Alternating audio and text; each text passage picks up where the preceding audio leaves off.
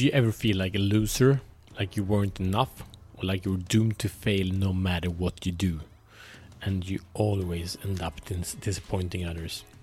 So I will share with you now the strategy to empowerment and how you can make space for the man that is ready to merge out of you the man that is free from the prison of playing small. So, welcome to Show the Fuck Up Minute. My name is Matt Fyron, and this show is for men that are committed to free themselves from the prison of playing small and unleash their personal greatness. So, every day you get a challenge, we grow together in one of the four areas of a meaningful life being purpose, passion, power, and profit. So, what's this problem?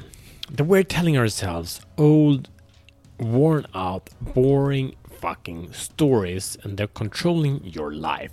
It's time now to stop that, to stop the past controlling your future, and we can only do that in the present moment.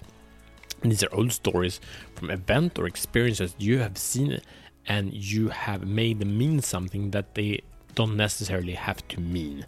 And this means that you can recreate your reality any moment when you're ready to. So, what's the solution here? Uh, one of my favorite movies is called Kingdom of Heaven, and it's with Orlando Bloom, and he's playing the man Balian, and he's a blacksmith, and he gets called out to an adventure, as most movies, as as most adventure movies do. And at one point, he, he, he gets in connection with his dad, and his dad is a knight. And his dad is about to die, and is about to knight him, make him a knight. And this is what his father says to him Be without fear in the face of your enemies. Be brave and upright, that God may love thee. Speak the truth always, even if it leads to your death. Safeguard the helpless and do no wrong. This is your oath. Rise and knight.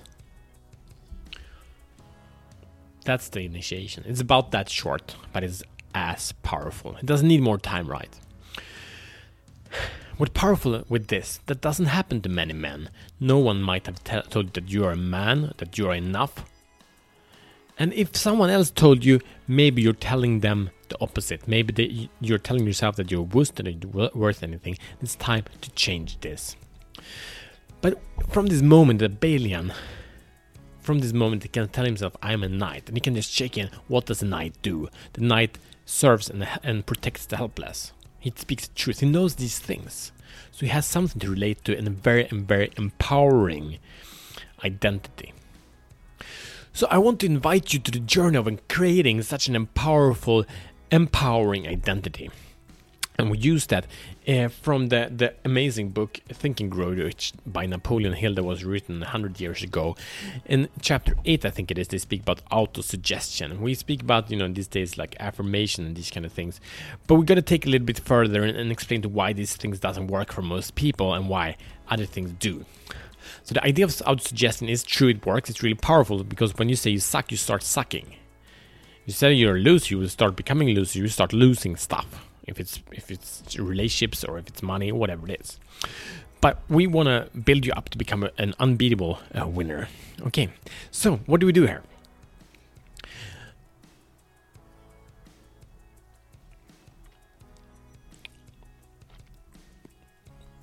So we're going to separate three parts of your identity.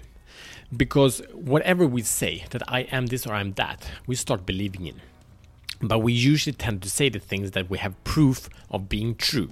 So Balian could say, I am a knight because he has had proof because his father had told him that he's a knight and he was a knight, so he could knight people, right? So the first level is that I am because I know I am, because there is proof. One can always question and recreate the stories around this proof, and by that, so if you at some point have been lying, you could say that you're a liar for the rest of your life, but you can also recreate that because you might have owned up to that, and since that day and for now, you know that you only will tell the truth, meaning that you're a truth teller, right? We can change the stories. But we have the story that we know because there's proof. And then we have the second level of story, and it's the aspiring identity. Who you are about to become. And then the third level is the dream identity, is the outrageous version of yourself, how you imagine that you help millions of people in transforming their lives and so on. Yeah, these are the three kinds. The only one when we work with an empowering empowering statements is the know the thing that you know because of proof. What I mean by that is it only works if you're able to feel it. Because this is not a verbal game, this is an emotional game. If you go into the quantum field, quantum space, there is scientific proof that everything is vibration and if you are feeling in a certain way, you will attract the same kind of things. So it's like for some reason, uh, kind of happy people or people who are aligned and connected to themselves rarely get a beat on town. But people are really angry, really frustrated, and kind of almost in a fight, even though they didn't fight yet. They're much more likely to get in a fight. So that's because of vibration. So we gotta be focused on the vibration. So let's dig into the challenge. So here's the challenge you choose to accept it. Number one, identify three traits you are inspiring in your aspiring identity. Uh, and then in identify three traits of your dream identity. So these traits can be, you know, I am generous, I am empowering, I believe in myself, I believe in the good of others, because these values will uh, you will be able to harvest fruit from these values.